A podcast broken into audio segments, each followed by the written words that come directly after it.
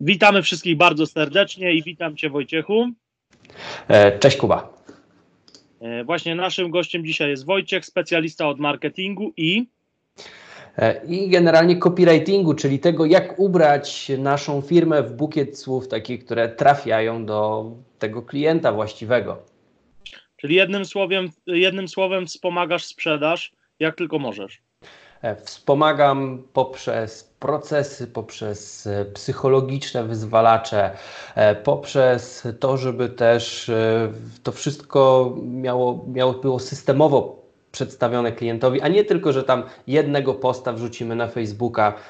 Po prostu myślę trochę marketingowo za ludzi, którzy są pasjonatami, którzy lubią robić to, co robią, robią to być może od lat i chciałyby ładną torebkę to po prostu ubrać, co dzisiaj robią. Aha, fajnie. Torebkę taką marketingową, ozdobną. Nawet jak e, mówisz o tym marketingu, to to już, e, że tak powiem, nim pachnie, można powiedzieć. Nawet zwroty typu opakować, e, to bardzo fajnie się tego słucha i też myślę, że fajnie się czyta. To są takie zwroty, których się używa w marketingu, bo żeby każdy wiedział w ogóle, czym ty się zajmujesz, bo jak mówimy o, mówimy o marketingu, to też ty wspomagasz firmy całą strategią marketingową, tak? Zaraz sobie w ogóle powiemy, czym to jest. Tak, znaczy marketing jest generalnie takim pięknym e, zjawiskiem, piękną umiejętnością, czy też piękną dziedziną, można byłoby lepiej rzec, w której e, chodzi o to, że jak mamy coś dobrego, to wybieramy, co w tym jest najważniejsze dla klienta, jaka jest najważniejsza unikalność, co to w praktyce robi. Pokazujemy, w czym my z pięciu różnych firm jesteśmy najlepsi i teraz docieramy do tych klientów, którzy tego albo potrzebują, albo jeszcze nie wiedzą, że potrzebują. E, wiadomo, że teraz żyjemy w bardzo rozproszonym świecie, gdzie każdego dnia dociera do nas od 7 do 10 tysięcy komunikatów, już naukowcy sami nie wiedzą ilu. Jesteśmy przebodźcowani, co chwilę sprawdzamy smartfony e, i, i generalnie ciągle żyjemy w takim niepokoju. Do takiego człowieka jest trudno dotrzeć. Jeżeli nie mamy czegoś, co jest atrakcyjne dla tej osoby, jeżeli nie mamy czegoś, co po prostu chwyci za oko, jeżeli nie mamy czegoś, co trafi do serca czasami, to albo do rozumu, bo to w zależności tutaj też, y, a najlepiej do jednego i drugiego, no to będzie nam trudno się przebić. I nawet jak mamy dobrą rzecz, dobry produkt, dobrą usługę, dobre rozwiązanie, wkładamy całe serce, e, to może się okazać, że w zalewie tych informacji gdzieś to, co robimy, po prostu innym umknie. Mm, I to jest właściwie idea marketingu, aby wydobyć to, co najcenniejsze w tym produkcie, e, przywalić we wszystkie bębny, ale tych miejscach, w tych y, narożnikach ulic marketingowych, czy też y, ulic internetowych, gdzie są nasi klienci, tak żeby być przed ich oczami wtedy, kiedy trzeba. W takim dużym uproszczeniu, ale mam nadzieję, że wystarczająco obrazowo, żeby zrozumieć pewne, pewne założenia. Super. E, wiesz co, jak mówimy o tym zalewie informacji, to e, zarówno są to informacje z jakimiś ofertami, z jakimś kontentem nawet coraz częściej, e, ale i tak przyznaj, że jest to na poziomie no, mizernym, tak jak nawet rozmawialiśmy, bo my z Wojciechem poznaliśmy się na szkole menadżerów, gdzie Wojciech był prelegentem i dążę do tego, że rozmawialiśmy na ten temat też, że no jednak wielu firmom w dzisiejszych czasach, właściwie większości firm brakuje, widać, że tej strategii marketingowej nie ma, mimo to jako tako dryfują, utrzymują się, ale albo to długo nie potrwa, albo po prostu zawsze będzie na tym mizerniejszym poziomie, no bo nie wzniesie się wyżej. Zgadzasz się z tym, Wojciech? Ja patrzę na to, że są firmy, którym wystarcza to, co mają dzisiaj e, Aha. i na bazie tych e, dotychczasowych gdzieś relacji, jakichś tam poleceń, w taki sposób pasywny czekają na to, że coś do nich przyjdzie. E, no i teraz, jeżeli nie zmienia się nasz rynek, nie zmienia się nasza branża, to owszem, w takim układzie można przetrwać gorzej, jak się coś po prostu zmieni. Ale to, co się właściwie dzieje, z czego się często, często ludzie nie zdają sprawy, to że konkurencja się ciągle rozwija. I jeżeli konkurencja pójdzie szybciej po nowsze narzędzia, po ciekawszą oprawę. Ja nie mówię tu o jakichś nieczystych zagrywkach typu, nie wiem, tam hejterskie opinie, czy robienie jakichś takich złych rzeczy, złego PR-u wokół innych, ale po prostu e, przyciśnie, wyda pieniądze, nauczy się czegoś będzie się rozwijać i będzie chciała być lepsza komunikacyjnie, lepiej się komunikować w sposób przyjaźniejszy, tak, nie wiem, tam pierwszy przykład, który każdy będzie znał, to jest e, kiedy Impost poszedł w to, że zamiast pisać Twoja paczka oczekuje odbioru pod numerem takim i takim, to inaczej powiedzieli. Paczucha jest uwięziona w paczkomacie, uratuj ją, wyciągnij jak najszybciej i czeka, żeby trafić w Twoje ręce. Zupełnie inny komunikat, przyjemnie nam się korzysta z takich produktów, które są przemyślane z perspektywy właśnie klienta. I, i to jest ta idea marketingowa. Teraz, jeżeli wracając do wątku, bo to była mała dygresja, e, jeżeli firmy inwestują w marketing, wchodzą w to, ale ja nie mówię tutaj, wydają więcej na reklamy na Facebooka, wydają więcej w to, żeby być lepsze dla swoich klientów. Na przykład to też jest marketing, bo często zapominamy o tym, że marketing to również to, jak witamy klienta na recepcji, jak odbieramy telefon, jaką mamy stopkę w mailu i czy generalnie jesteśmy kulturalni w rozmowach osobistych. To wszystko są elementy marketingu. No i teraz, jeżeli o to dbamy, no to klienci wybierają nas chętniej, polecają nas chętniej, mówią, ale ten Jakub ma e, fajny sposób, jak się wita z klientem, nie? I jakby w specyficzny sposób podaje dłoń albo w specyficzny sposób się żegna. Są wszystko takie detale, które później wpływają na to, czy jesteśmy postrzegani w sposób e, właśnie przyjazny, fajny, czy jednak no to tam taki stary beton, który nic nie zmienia od 100 lat, nie? To są takie, takie, takie kroki, które, które się pojawiają, więc myślenie prorozwojowe, myślenie w stronę klienta, a nie tylko po to, żeby jak najwięcej e, ofert e, wyemitować. Bo tu przechodzę płynnie do drugiego wątku, czyli ofert, że e, część ludzi dalej twierdzi, że wystarczy po prostu zrobić sobie ofertę sprzedażową, umieścić ją na stronie albo wydrukować na ulotce, rozdawać jak najwięcej rzeczy i, i to będzie sprzedawało.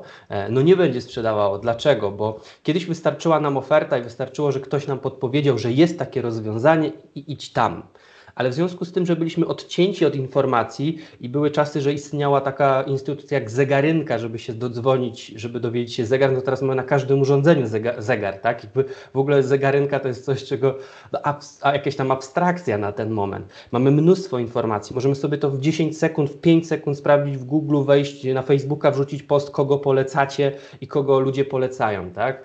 I, i dostaniesz rekomendacje, więc nie chodzi o to, żeby wiedzieć, że coś takiego istnieje. Nie chodzi o to, żeby dać o sobie znać, tylko chodzi o to pokazać, dlaczego spośród wszystkich firm ma ktoś wybrać właśnie ciebie, na przykład Kuba, nie? Mhm. No fajnie, fajnie to powiedzieć, bo jest to niby kosmetyczna zmiana, ale ja zauważyłem, że jeżeli ja widzę coś takiego w y, którejś firmie, na przykład jeżeli coś zamówię, czy cokolwiek mam związek, mam y, no, z jakąś usługą związek, prawda, kupiłem jakąś usługę, y, czy cokolwiek, no to jeśli widzę, że jest taki komunikat wystosowany do mnie, powiedzmy, młodzieżowy, czy bardziej taki luźny chociażby, a nie taki robotyczny, e, automatyczny, jakby to po prostu wysłane i mamy cię, mamy cię gdzieś, no to, to, to mi się podoba. To naprawdę potrafi zapaść w pamięć i później komuś mogę nawet dopowiedzieć, to jest taki też e, rodzaj marketingu szeptanego, nie, że mogę komuś powiedzieć, że słuchaj, w tej firmie to w ogóle mega ciekawego maila dostałem od nich i tak dalej, nie? Więc jakby taka nawet kosmetyczna zmiana, tylko że tak, to trafia też do mnie, prawda? Więc może sobie powiemy troszeczkę o grupach docelowych, jakbyś mógł opowiedzieć, yy, może, może z podzieleniem jakichś branż, albo po prostu ogólnie, mhm. albo branży fitness. E. No bo po prostu dla mnie trafia taki komunikat, jest taki fajny, yy, młodzieżowy, prawda? Ale do kogoś może nie trafić i pomyśli sobie na przykład, że firma troszeczkę niepoważnie podeszła tak, do tego. Tak, jest taka infantylna. I teraz to, to, to z czego sobie da, trzeba zdać sprawę, to to, że nie ma złych komunikatów są komunikaty źle dobrane do grupy odbiorców. Skrajny przykład. Zobaczcie, jak komunikuje się, zobacz, jak komunikuje się Fame MMA. E, I teraz wyobraź sobie, że w taki sposób komunikuje się na przykład, nie wiem, klinika ortopedyczna. Jakby, nie? Nie ma szans. Ale Fame MMA zarabia, czy zarabia więcej od niektórych klinik ortopedycznych? Zakładam, że tak. E, I teraz mm, jakby to, co chcę pokazać, to to, że e, każdy komunikat ma swojego odbiorcę. Teraz warto, ważne, żeby znać, do kogo mówimy.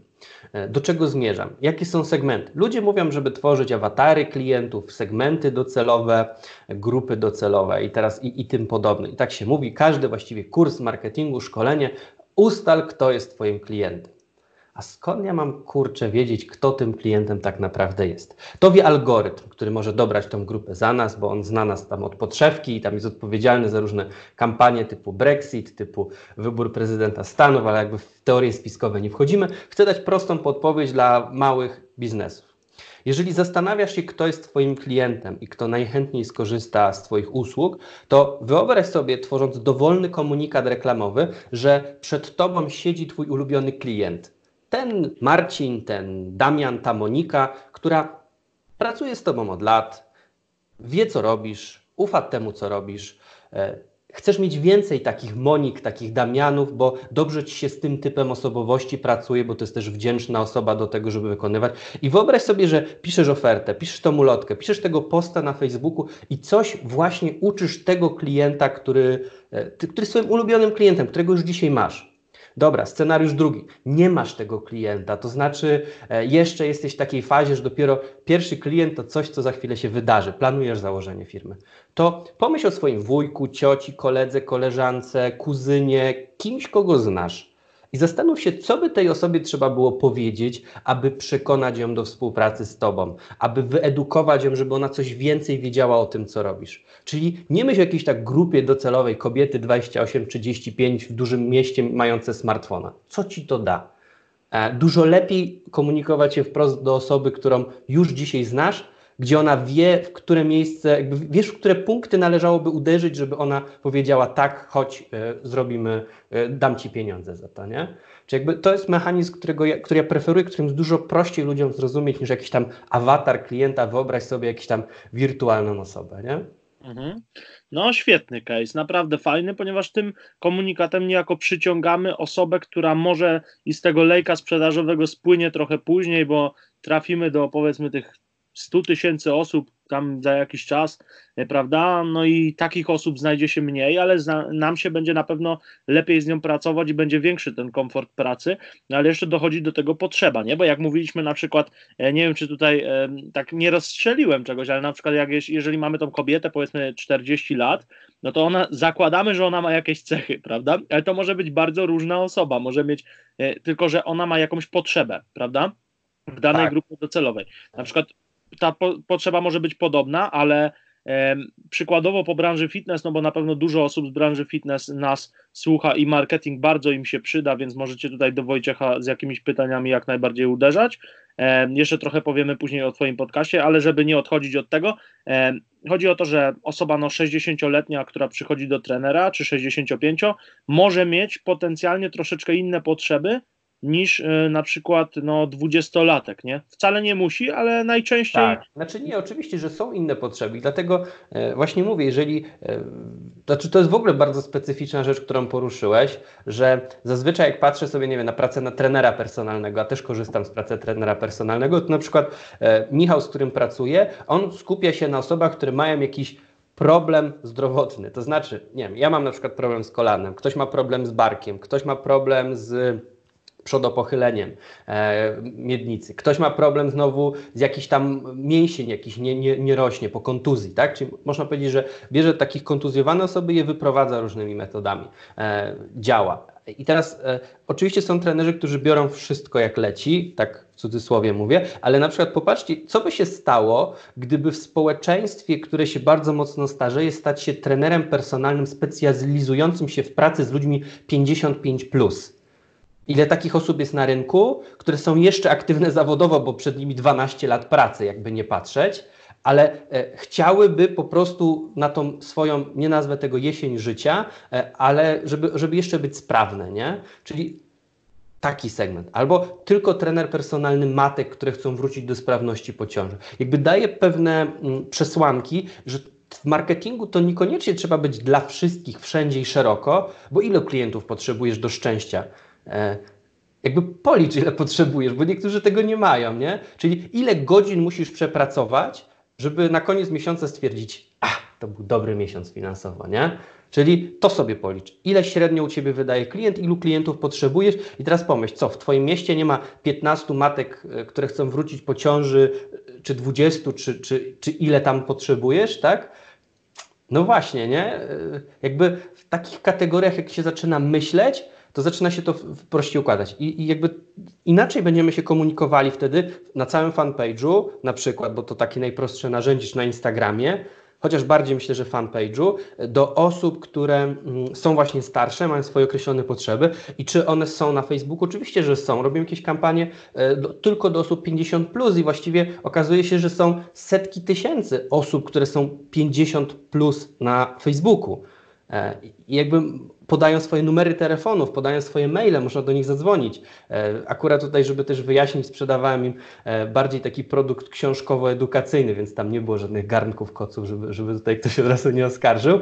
Mm, ale to są normalnie aktywne osoby. I teraz, jeżeli sobie wyobrazimy swoją, nie wiem, starszą, chciałem powiedzieć mamy, ale być może babcię, tak?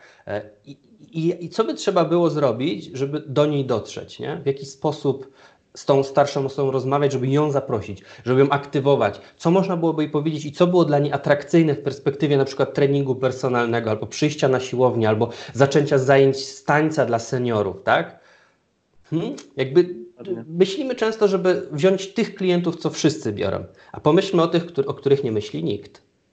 No właśnie, prowadząc grupę dla trenerów, też często im mówię, że to jest e, w dzisiejszych czasach w zalewie trenerów jedyne wyjście, bo mamy bardzo dużą grupę ludzi, która często kieruje się do po prostu trenera personalnego, gdzie jest ich bardzo dużo, jest zalew tych trenerów personalnych. E, a ja im mówię, słuchaj, wyspecjalizuj się w bieganiu i uderzaj do biegaczy, uderzaj e, z reklamą do biegaczy, uderzaj z e-bookiem do biegaczy, wyspecjalizuj się nawet na dwie rzeczy, na przykład na dwóch kanałach marketingowych, bo do starszych osób mogę dotrzeć y, poprzez lekarzy na przykład, nie? To też mhm. jest. Mhm. No a mm, no powiedz. Jest ciekawa też rzecz, na przykład wsparcie motoryczne zawodników sportów walki. To też jest w ogóle taki obszar niedoceniony, nie?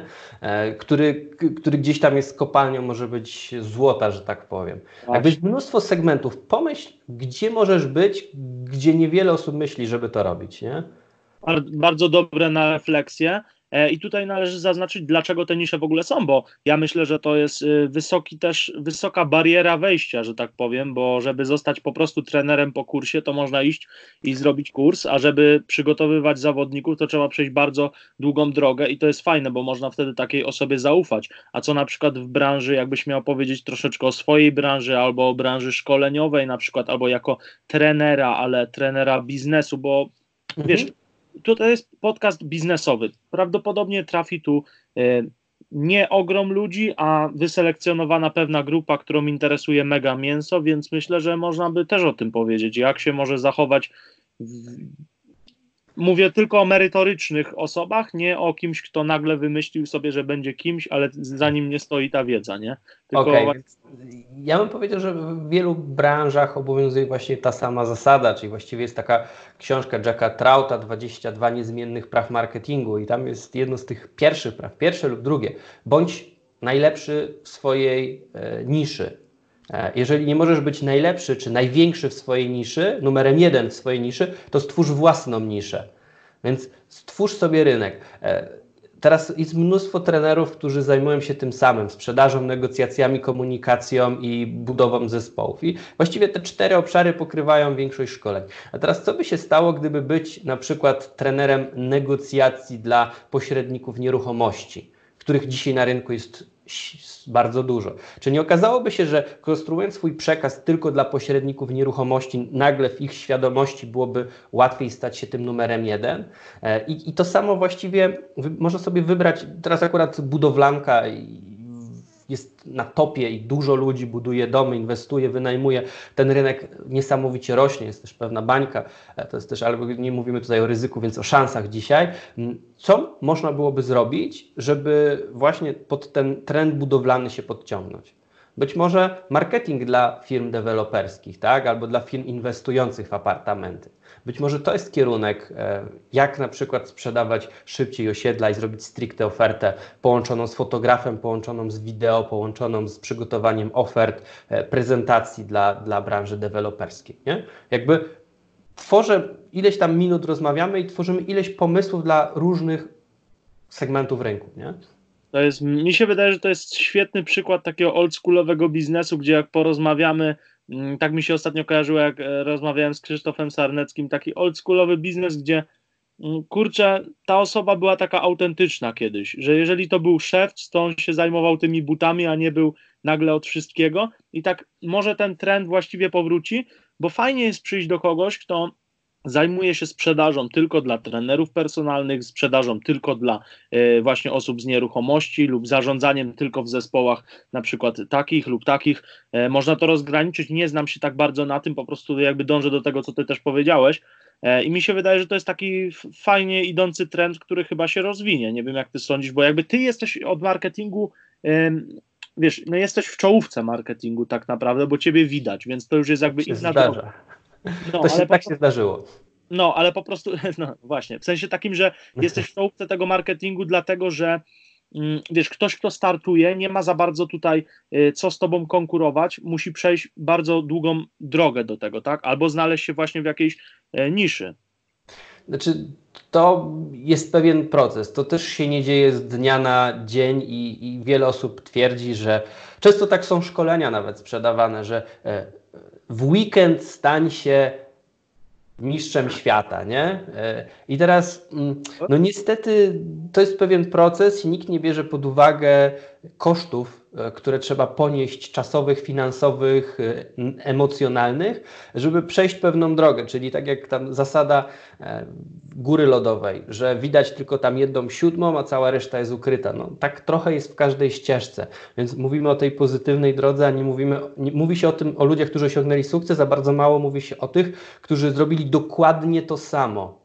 Dokładnie to samo. Modelowali najlepszych i nie osiągnęli nic. I teraz co było w nich złego. Być może źle się ubierali, mieli, brakowało im uśmiechu, entuzjazmu i e, mówili od rzeczy, nie? ale jakby wykonali te same kroki, tylko że wykonali je w zły sposób. Nie? I teraz wiele ludzi się stara, część osiąga wyniki, część nie osiąga wcale. No i, e, i jakby tu, tu też jest, trzeba ten wątek mocno podkreślam, że można zrobić wszystko to, co ktoś i nie mieć tego, co ktoś no trzeba powiedzieć też właśnie, że, że no, rozwój to jest bardzo bolesny proces. To się zawsze łączy z, prze, z przechodzeniem z pozycji nauczyciela, kiedy już czujemy się dobrze, trochę zarobiliśmy, jest super, a za chwilę ktoś nam mówi, łup, to jest gówno prawda, ty musisz się rozwinąć w ogóle wyżej.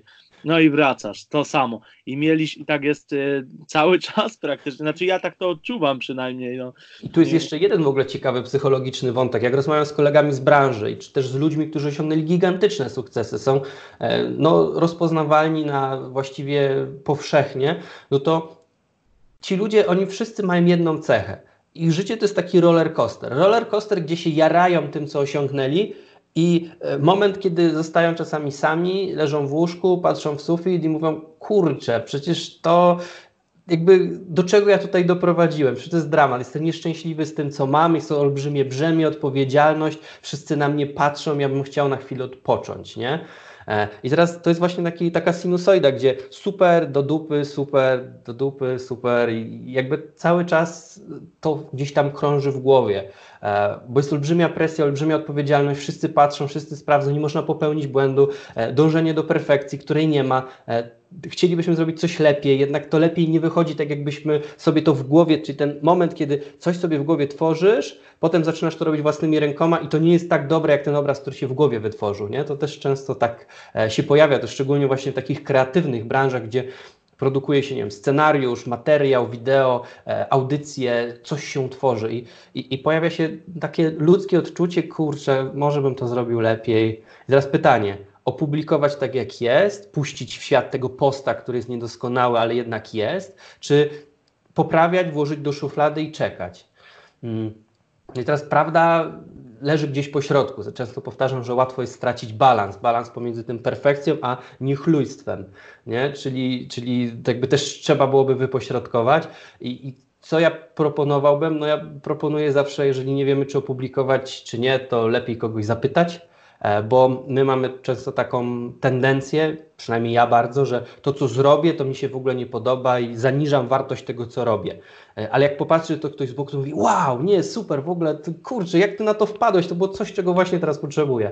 E, I właśnie czasami warto z osobą drugą gdzieś taką mieć, która powie, ok, fajnie, albo mówi, dobra, jest spoko, tylko wiesz, tam ten, brakuje tego elementu, brakuje, żebyś to lepiej nagłówkiem nazwał, bo jak nagłówek będziesz miał lepszy, to to większą ciekawość wzbudzi i wtedy zaangażujesz więcej ludzi, a treść już jest bardzo fajna. Nie? Czasami to jest ten jeden detal, który powoduje, że ktoś tam dotrze do końca i przeczyta cały materiał. Na przykład przeczyta czy obejrzy wideo do końca. Nie?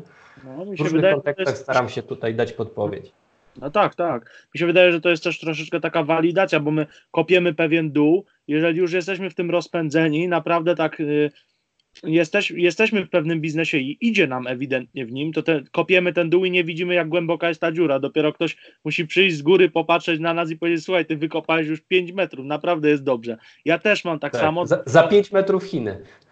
tak, dlatego też korzystam z jakichś tam konsultacji biznesowych, bo naprawdę nie potrafię tego obiektywnie też ocenić i widzę, że trenerzy też potrzebują na przykład na przykład mnie jako takiego osoby, która z boku na to popatrzy i tak samo y, potrzebują firmy marketingowej, tak myślę przynajmniej, y, przedsiębiorstwa na pewnym etapie. Właśnie chciałbym o to zapytać. Jest taki mm. paradoks, że no. e, najtrudniej jest doradzić samemu sobie. To znaczy, jeżeli ja chciałem wprowadzić w organizacji jakąś zmianę, coś komunikacyjnie usprawnić, to żebym ja sam sobie to wymyślił, to po prostu no, miesiące, tygodnie, setki godzin i przychodzą same takie pomysły w stylu 2 na 10, nie? Ale jeżeli ktoś inny z boku popatrzył, mówi, ty, przecież Wojtek, przecież ty robisz all-in-one marketing service, czyli wszystko w jedną usługę marketingową, outsourcingową, jesteś zorientowany na rezultaty, podajesz wyniki w liczbach i to jest Twoja unikalność. Ja mówię, no faktycznie. Tylko, że ktoś to nazwał jednym zdaniem, coś nad czym ja myślałem bardzo, bardzo, bardzo długi czas.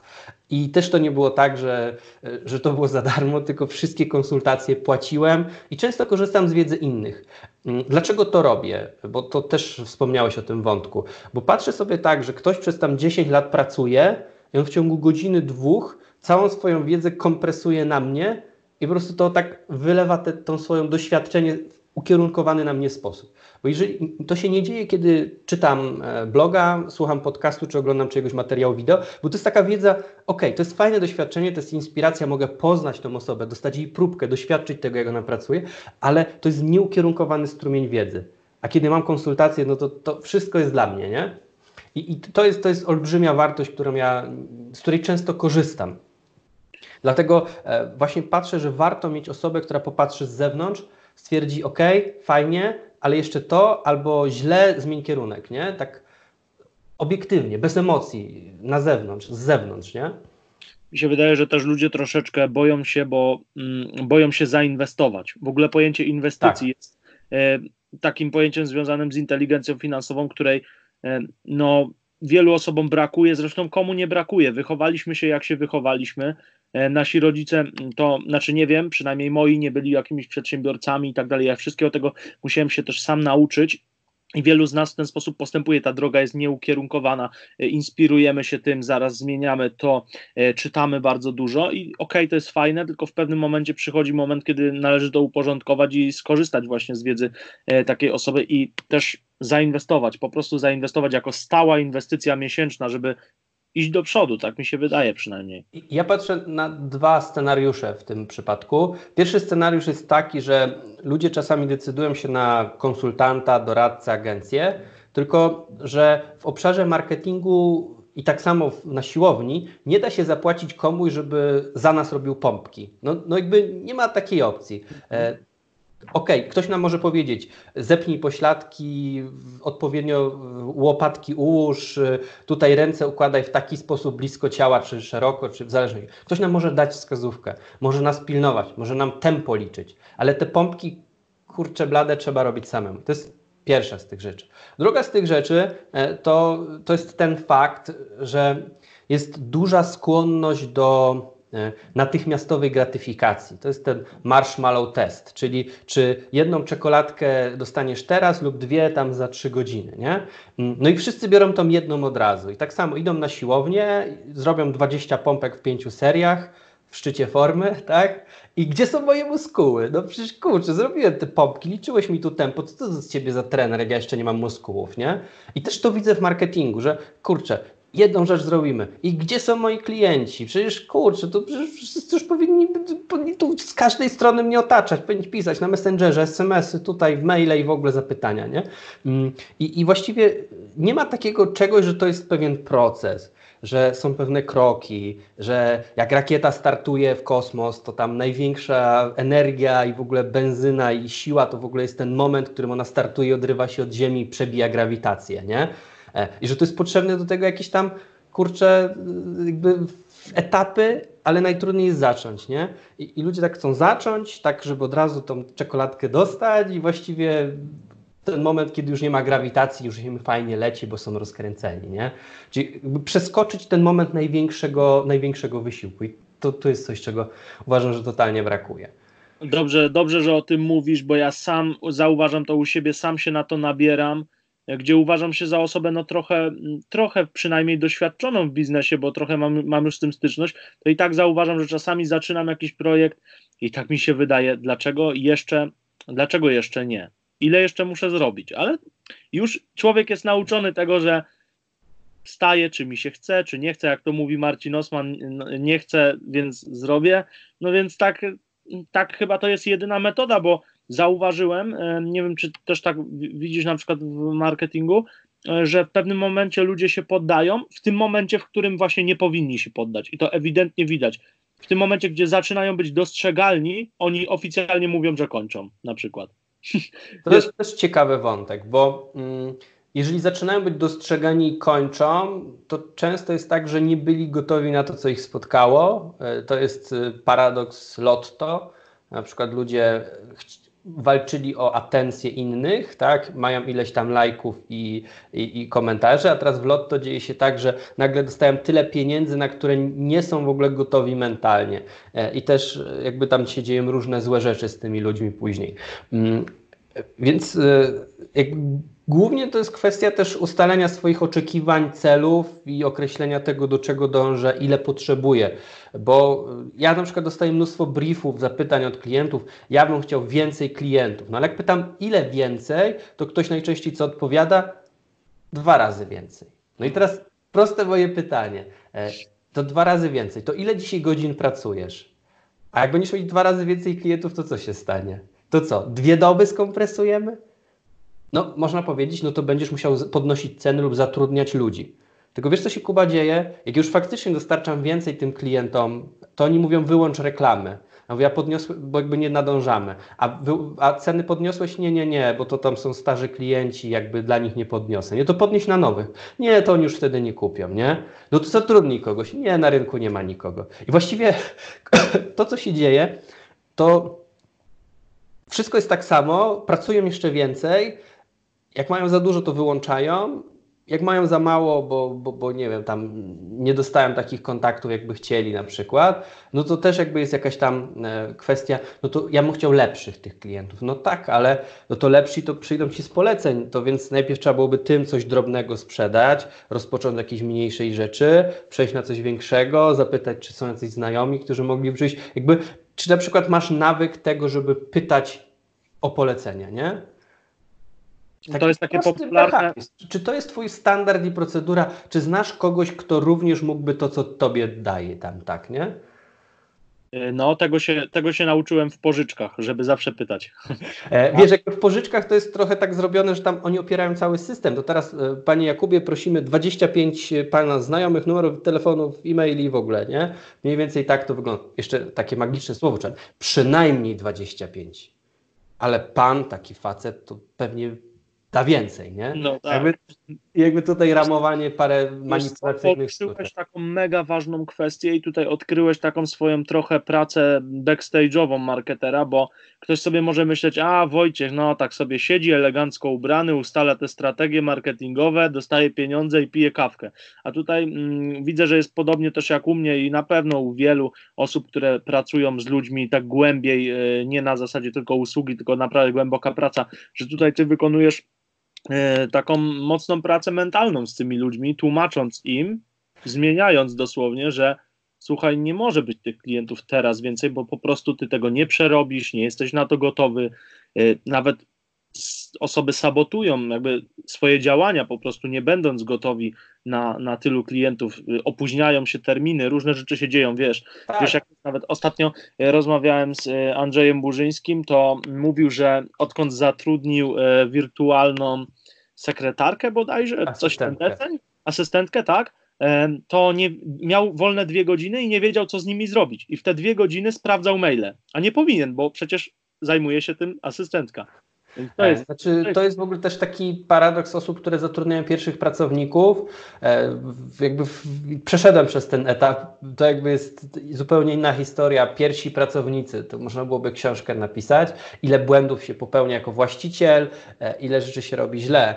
Mm, ale w kwestii właśnie dużo ludzi nie jest w ogóle gotowych na to, żeby komukolwiek cokolwiek delegować.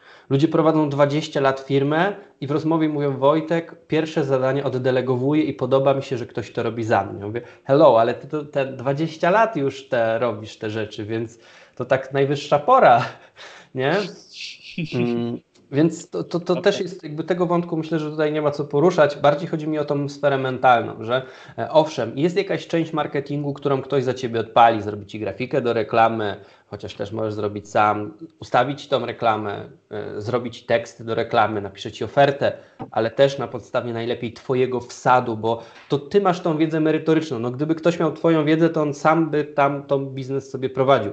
On daje nakładkę, czyli y, jest jakby dwie rzeczy są. Z jednej strony jest to opakowanie, nawiązując do tego, od czego zacząłem, ale jest też zawartość. Teraz dwie sytuacje. Wyobraź sobie, że masz cudowne, cudowny diament, piękny, duży diament, ileś tam karatów. I bierzesz ten diament, y, pakujesz w taką papierową e, torbę, e, zginasz wszystko, lejesz na to wodę, rzucasz na to mech, rzucasz to do kąta gdzieś tam w pomieszczeniu, tak? I teraz, czy ktoś się zegnie po taką torbę? No nie. Sprzątaczka sprzątaczka się zegnie. Czyli są firmy, które właśnie mają diament, mają cudownie dopracowane to, co robią, ale opakowanie jest takie, że nikt na to nie chce patrzeć. Druga sytuacja jest taka, kiedy masz cudowne, inkrustowane pudełko z kością słoniową, z rzeźbami, ale do środka dajesz e, powiedzmy brudny cukierek, żeby nie używać e, gorszych tutaj epitetów i metafor, czyli dajesz coś, co nie ma żadnej wartości. Cukierek, który wpadł w kurz, nie? I kładziesz to gdzieś tam na półeczkę. No i teraz ktoś mówi, ale piękne pudełko, ciekawe co jest w środku. Otwiera, a tam e, cukierek, który wpadł właśnie w kurz, tak? E, I to też jest złe, czyli kiedy ten marketing jest y, dużo więcej wart i to całe zamieszanie wokół produktu jest dużo więcej warte niż to, co jest w środku. Gdzie jest rozwiązanie? Kiedy masz ten piękny diament, ten piękny diament pięknie opakowujesz i wtedy to ma ręce i nogi i wtedy można patrzeć w oczy klientom nie tylko w momencie, kiedy się im sprzedaje, ale w momencie, kiedy im się pyta, jak się podobało i czy kogoś mogą polecić. Nie?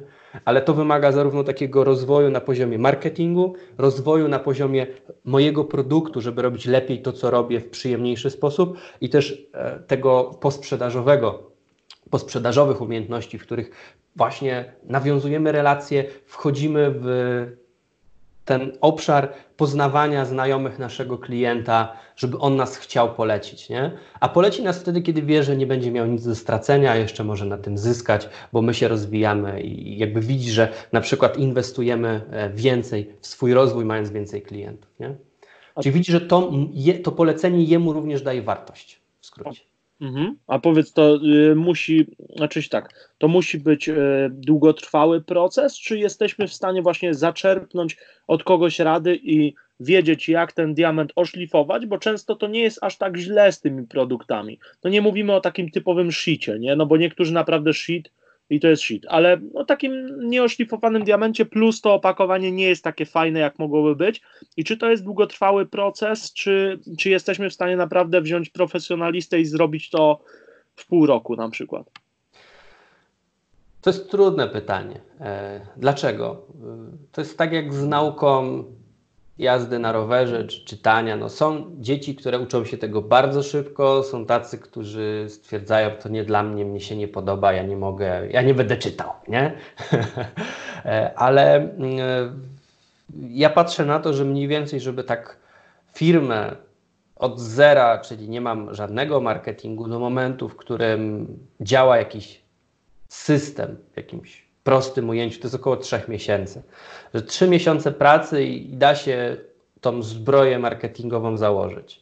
E, mhm. Tak przynajmniej, kiedy nie ma jakiejś tam, nie wiem, rozbieżności co do, co do tego, co trzeba zrobić, kiedy nie pojawiają się nagle wakacje, e, kiedy księgowa nie jedzie na wakacje, no to różne sytuacje później są. Jak księgowa jedzie na wakacje, to najgorzej, bo on potem nie ma żadnych przelewów, potem agencja wstrzymuje działania, potem ktoś tam stwierdza, że kurczę, no ale mogliśmy robić, pojawiają się opóźnienia. Generalnie hmm. pracy bez zakłóceń, trzy miesiące i, i jakby to jest taki e, plus minus czas, w którym można coś sensownego zrobić. O, to chyba mi wpadł e, pomysł na kolejny podcast z Tobą, e, ale to sobie porozmawiamy, będzie niespodzianka dla, dla widzów następnym razem. E, zapiszę sobie. A ja Ci zadam takie pytanie, bo mm, właśnie jeżeli mówimy o marketerze, bo tutaj jest konkurencja, wiadomo, jest, jest konkurencja wśród marketerów, osób, które zajmują się marketingiem, są pewne rzeczy, które charakteryzują dobrego marketera i po których można ewidentnie stwierdzić, może, nie wiem czy tak jest, ty, ty mi powiesz, że no nie jest to odpowiednia osoba, bo w przypadku trenerów my staramy się tą wiedzę przekazywać ludziom, jak rozpoznać dobrego trenera. Bez żadnego hejtu, bez czegokolwiek. Po prostu osoba przychodzi i ona ma rozpoznać. Nawet dzisiaj rozmawiałem z pewnym przedsiębiorcą i mówię mu, słuchaj, e, zawód trenera jest nieregulowany. Ty tak naprawdę nie wiesz, czy ten trener jest wykształcony, czy nie. Mam nadzieję, że masz tego świadomość. On, co ty mówisz? To jest w ogóle dla mnie jakieś niesamowite. Jakim cudem? Przecież on mnie może uszkodzić.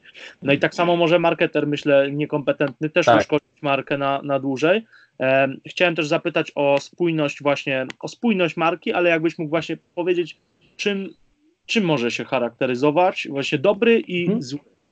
Pierwsza rzecz, która przychodzi mi do głowy, to jest to, że jeżeli ktoś ci opowiada o jakichś super rozwiązaniach, to niech pokaże, gdzie te rozwiązania wdrożył. I najlepiej jeszcze jaki efekt to przyniosło. Oczywiście z tym efektem to jest tak, że w jednej firmie będzie większy, w drugiej mniejszy. Niektóre firmy, e, no ty nie chcesz na przykład, żeby o tobie powiedział, ktoś tam ci wszedł na konto bankowe i pokazał, ile ci to zarobiło. Ale niech pokaże chociaż, że zrobił to w tej firmie, wyglądało to w taki sposób i oceń, czy to jest coś dla ciebie atrakcyjnego, czy nie. Czyli mhm. nie oceniaj kogoś, e, znaczy jakby nie możemy pominąć na przykład sfery, jak ktoś jest ubrany, jak ktoś się wysławia, czy ma kwiecisty język, czy raczej burczy pod nosem. Oczywiście są takie rzeczy, które podświadomie działają i zdaję sobie sprawę na przykład, że ktoś dobrze gadający, tak w cudzysłowie, ze sceny na przykład, jest w stanie dużo rzeczy sprzedać, chociaż się na tym nie zna, ale dobrze gada, więc jak dobrze gada, to polać mu, więc zróbmy z nim biznes, nie? Mm. I to jest jakby jedna, jeden aspekt, ale tak na takim racjonalnym poziomie, jakieś takie kryteria. To pierwsza rzecz to właśnie niech pokaże przykłady tego, co zrobił. Czyli własnymi ręcoma, że tak powiem, pokazał to, to i to zrobiłem. E, są to takie rzeczy. To jest pierwszy z takich e, punktów. Drugi z tych punktów, niech pokaże firmy i czy te firmy, czy w ogóle ma jakieś e, studia przypadków, w których to zadziałało i przyniosło jakiś określony sensowny efekt. Czy może Ci pokazać firmę, która urosła, która sprzedała więcej, która, w której to zadziałało? Oczywiście to nie jest też miarodajne, bo w jednej firmie coś zadziała, w drugiej zadziała mniej, ale bardziej chodzi o to, czy w ogóle coś takiego gdziekolwiek zaistniało.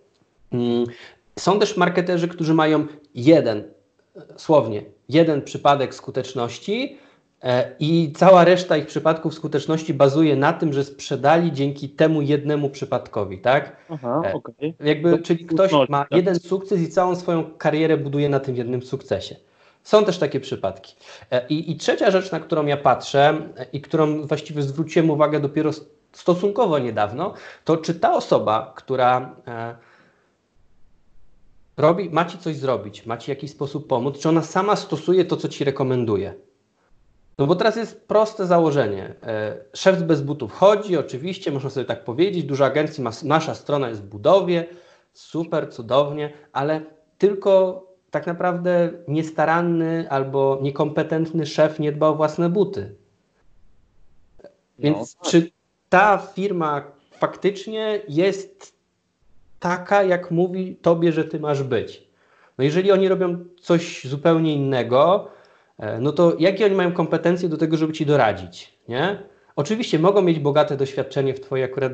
Jakby nie chcę wszystkich skrajnych przypadków e, dyskwalifikować, ale generalnie warto sobie popatrzeć, czy jeżeli ktoś Ci mówi, że załóż kanał na YouTubie, to czy on ten kanał na YouTubie ma? Czy jak ktoś Ci rekomenduje podcast, to czy ten podcast ma? Czy jeżeli Ci mówi, że strona powinna mieć jakiś mechanizm pozyskiwania danych, to czy ten mechanizm u niego funkcjonuje u niej, nie?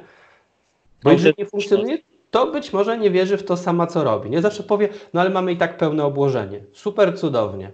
E, może i macie pełne obłożenie, ale no to może warto byłoby podnieść ceny, albo jakby to są dużo mechanizmów i ktoś może prawdopodobnie sobie sam nie radzi ze swoim biznesem, a innym chce doradzać, nie?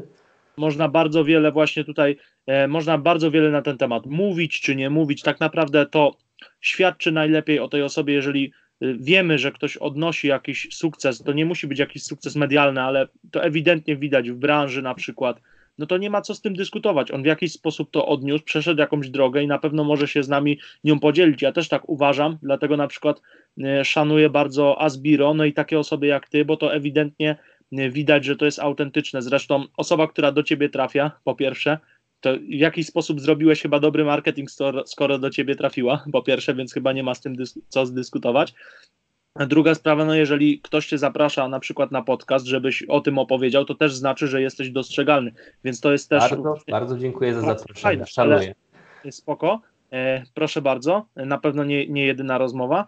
E, ale też są pewne rzeczy, y, nie ukrywajmy, których y, nie widać, więc zanim powiesz jeszcze, znaczy się właściwie po tym może, jak powiesz, y, po czym rozpoznać te osoby, które no, robią takie fejle typowe, no nie, że widzisz po prostu, no śmieszne, nie, widzisz po prostu, że gościu odwalił coś mega dziwnego w marketingu, znasz się na tej branży, ja to widzę na przykład u trenerów, ostatnio widziałem taką pewną reklamę, e, był mega błąd merytoryczny, osoby, która chcia, chcia, chciała nauczać w pewien sposób trenerów, ale nie zna tej branży i popełniła taki błąd, że każdy trener to właściwie jest w stanie dostrzec. Wiesz, to jest mega fail w zasadzie, ale nie chcę tej osoby jakby za to piętnować, czy coś po prostu y, no, się roześmiałem troszeczkę z tego, nie? Ale wiesz, możesz właśnie o tym opowiedzieć i i o tym y, może o takich rzeczach, o których nie widać, tyle ile możesz powiedzieć, czyli o jakichś na przykład systemach wewnętrznych, czymś, co też działa, ale nie jest na przykład reklamą na Facebooku. Mhm, rozumiem. Więc ja bym podszedł do tego w taki sposób. Mm, zapytałbym, e, zapytałbym tą osobę, e, co, e, czyli po, prosty jest przykład taki, jak pracujemy z agencją, to tam zawsze ktoś gdzieś kogoś zastąpi, czyli ten system jest stabilny. Ale jak pracujemy z freelancerem, no to nagle okazuje się, że on jednak ma wakacje, ma inne zlecenia, nie zawsze może odebrać, czyli dla niego on jest sam, a ma wielu klientów, podczas gdy no, jakby ograniczone są moce przerobowe. Nie? No i teraz e, pojawia się taki kontekst, który niewiele osób bierze w ogóle pod uwagę, że na początek to jest w ogóle wybrać kogoś, kto nam będzie coś robił. Nie? To jest jakby pierwszy podstawowy level. Drugi level to jest ktoś zaczyna robić i nagle okazuje się, że w połowie projektu, gdzie mamy jutro deadline, on wylatuje na tydzień do Barcelony. E, no i e, jakby takie jest trochę podejście, kurczę, czegoś tu chyba nie zrozumiem albo gdzieś się nie dogadaliśmy i miałem taką sytuację. Ja miałem akurat kilka lat temu freelancera, którego zatrudniłem do przygotowania jednego elementu do projektu, a on mówi, no dobrze, dobrze, to ostatnia porcja poprawek, bo ja wylatuję tam za dwie godziny do Barcelony, czy mniej więcej tak ta korespondencja wychodziła. Więc Aha. coś, czego nikt nie bierze pod uwagę, że taka osoba się może ulotnić po prostu. E, I jak Kamfora, ten nigdy nic, wiesz, jakby przepraszam, ale mam tutaj bilety już kupione, e, lecę, nie? Mm. No i teraz baw się z tym sam. To jest pierwszy poziom, tak? Czyli był wykonawca, ale niestety się ulotnił. Drugi poziom jest taki, kiedy wykonawca pyta o każdą rzecz, co ma zrobić. Czyli wyślij mi tutaj instrukcję obsługi, a ja swoimi rękami po prostu jak robot to e, wklepie do komputera. Teraz najnowszy koncept, który gdzieś tam promuje, to jest zarządzanie swoją energią. Czyli wychodzę z założenia, że mamy jakąś określoną liczbę jednostek energii na każdy dzień. No i teraz, jak wstajemy wyspani, to mamy tych jednostek więcej, wstajemy niewyspani, mamy tych jednostek mniej. I oczywiście pierwsza rzecz, która przychodzi do głowy, rób sobie przerwy, rób sobie odpoczynek, żeby nie wykorzystać tych jednostek do zera. E, no ale znowu, jak stosując metaforę telefonu komórkowego, jak tylko podładowujesz e, telefon, a nie ładujesz go do pełna, to nie dość, że się bateria szybciej wyczerpuje, to jeszcze po prostu nigdy nie masz baterii na pełnych obrotach, a w telefony, przynajmniej te z jabłuszkiem z tyłu, mają taki system, że jeżeli mają mniej baterii, to one wolniej te procesory, wolniej wszystko działa. Po prostu zaczyna się tryb standby taki odpalać. I coś, y, czego oczywiste tam przerwy, odpoczynki, y, drzemki, to jest oczywiste. Ale jest rzecz taka nieoczywista, na którą nie zwracamy uwagi. E, jeżeli bierzemy sobie kogoś, kto jest na początku swojej drogi, ma niskie stawki i y, no, ma nam pomagać w marketingu, to on wymaga bardzo dużo naszej atencji. On wymaga ilość tam poprawek, iteracji, e, ciągle potrzebuje, żebyśmy tamtą osobę kontrolowali. E, e, czy panie Marcinie, czy już termin tutaj za godzinę potrzebuje tego, czy to już jest gotowe? Tak, tak, jeszcze 45 minut. Minęła godzina, gdzie to jest? Nie, jakby przypominamy. A nie, nie, nie, bo jeszcze poszedłem do sklepu, to za pół godziny odeślę. Dobrze, dobrze. Za pół godziny niedostępny, nie odbiera. I to ileś energii wymaga, nie? Mhm. Jasne. I, ta niska stawka, która teoretycznie była na rynku atrakcyjna, bo nam się podobało, że ktoś jest tani, to tam uczy się, fajnie da radę, ale ilość energii, którą musimy e, poświęcić na to jest gigantyczna. Teraz alternatywny scenariusz, w którym płacimy więcej, ale też otrzymujemy wyższy standard obsługi klienta. I to jest coś, czego też nikt nie bierze pod uwagę, że albo płacimy za coś swoim czasem, albo płacimy pieniędzmi. Teraz czego masz więcej? Czy masz więcej czasu, czy więcej pieniędzy? Zadecyduj, zarządź swoją energią, ale zrób to świadomie. Nie? I, i, I, to są elementy, które można powiedzieć o marketingu. Druga rzecz, czy jeżeli ktoś ma dużo klientów e, i niskie stawki, no to trzeba sobie przeliczyć, ile ktoś musi tego wyprodukować, żeby w ogóle zarobić na chleb. Gdzie dzisiaj minimalna krajowa to jest około 12-13 zł za godzinę, tak? E, no i teraz jak ktoś na przykład pisze teksty, 4 zł za stronę A4, no to ile jak szybko on tą stronę musi napisać i ile y, jakby on musi napisać, żeby zarobić cokolwiek, nie? biorąc pod uwagę standardowe daniny państwowe związane z prowadzeniem działalności gospodarczą na terenie Rzeczpospolitej Polskiej. Nie? Mm, jakby to są takie rzeczy, które też trzeba wziąć pod uwagę, że ktoś może nie mieć czasu już z nami rozmawiać. Nie? No tak. To, to, to są jest... takie rzeczy, których nie bierze się pod uwagę, biorąc marketera, bo najczęściej to jest też tak, ile on za godzinę bierze, ile bierze za znak, ile bierze za grafikę, nie? I to jest taka coś, co my rozumiemy. Ale cała reszta jest mnóstwo takich złożonych, proces marketingowy jest bardzo złożony i, i tam są elementy, których na pierwszy rzut oka się nie bierze pod uwagę czasem chyba po prostu kogoś nie stać na tego dobrego marketera i to już naprawdę lepiej go nie brać, jeśli nie stać, bo, tak. bo, bo, bo, naprawdę mo, może być kiepsko. I to jest podobnie też jak z trenerami, ja też często będę porównywał, no bo jednak dużo osób słucha z tego środowiska. jest pewna paralela pomiędzy tym. No tak, no jest trener za 200 zł za godzinę, jest trener za 60. No i ten za 60 jest duża szansa, że on albo, e, albo nie przyjedzie, albo nas uszkodzi. Bo dlaczego on tyle bierze? Dlaczego marketer e, dlaczego marketer bierze tak mało, a ten, a ten bierze e, więcej stosunkowo, prawda? Jest tam pewna wartość i taki koszt alternatywny, który zaznaczyłeś, to jest naprawdę e, super, żeby porównać pieniądze z czasem, bo tak naprawdę my inwestujemy swój czas, żeby zarobić te pieniądze. To jest bardzo, bardzo taka wy, wymierna metafora tego, dlaczego e, powinniśmy jakby poświęcić na, na to więcej. A może, może powiedzmy sobie, bo powiedzieliśmy o marketerach, o o tym, jak wygląda ta, ta praca, w sensie co jest dobre, co nie, ale co, co my, my możemy, jeżeli my sami jesteśmy, tak, jesteśmy małym przedsiębiorcą, jakimś tam młodym, zaczynającym lub gdzieś tam się rozkręcającym, co możemy, a czego nie powinniśmy w internetach? Ja zacznę od tego, czego nie powinniśmy, bo tak jak to mawiał Jobs, ludzie nie wiedzą, czego chcą, ale wiedzą, czego nie chcą.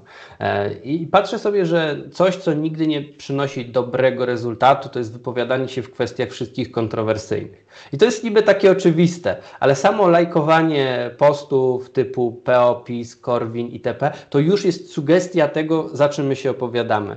I teraz będziemy, jeżeli mamy wszystkich klientów z jakiejś partii, to, to być może dobrze, bo tam się na przykład jesteśmy tam trenerem personalnym PiSu i załóżmy, to jest nasze kryterium i grupa docelowa. Wtedy tak, e, ale zakładam, że tak raczej nie jest, więc e, antypolityczność. Mnie to nie robi żadnej różnicy, kto za kim się tam opowiada, ale są ludzie, którzy naprawdę tym żyją, e, więc to niestety nie pomaga. Druga rzecz to są kwestie wszystkie religijne, rasowości, mm, orientacji płciowej i, i wszystkie. W ogóle bym w taki wątek nie wchodził. Trzecia rzecz, mm, właściwie tutaj z, z takich publikacji, to jak klikam Enter przy publikacji, to czy to wspiera mój główny przekaz? Czy jak ktoś przeczytałby tylko ten post, ten, ten jeden komunikat, tą, tego jednego maila, czy co tam wysyłamy, w jaki sposób się komunikujemy, czy to wystarczy, żeby zbudować obraz o nas? Bo, bo to nie jest tak, że ktoś czyta wszystkie nasze posty, wszystkie nasze maile i strony od deski do deski. Ludzie podejmują decyzje na podstawie skrawka informacji, na podstawie skrawka tych informacji, tego okruszka, e, oni podejmują decyzję, czy jest się dla nich osobą odpowiednią, czy nie. Robią to intuicyjnie, kilkanaście milisekund, tak? Gdzieś tam policzono, ile ludzie potrzebują czasu, żeby wydać opinię.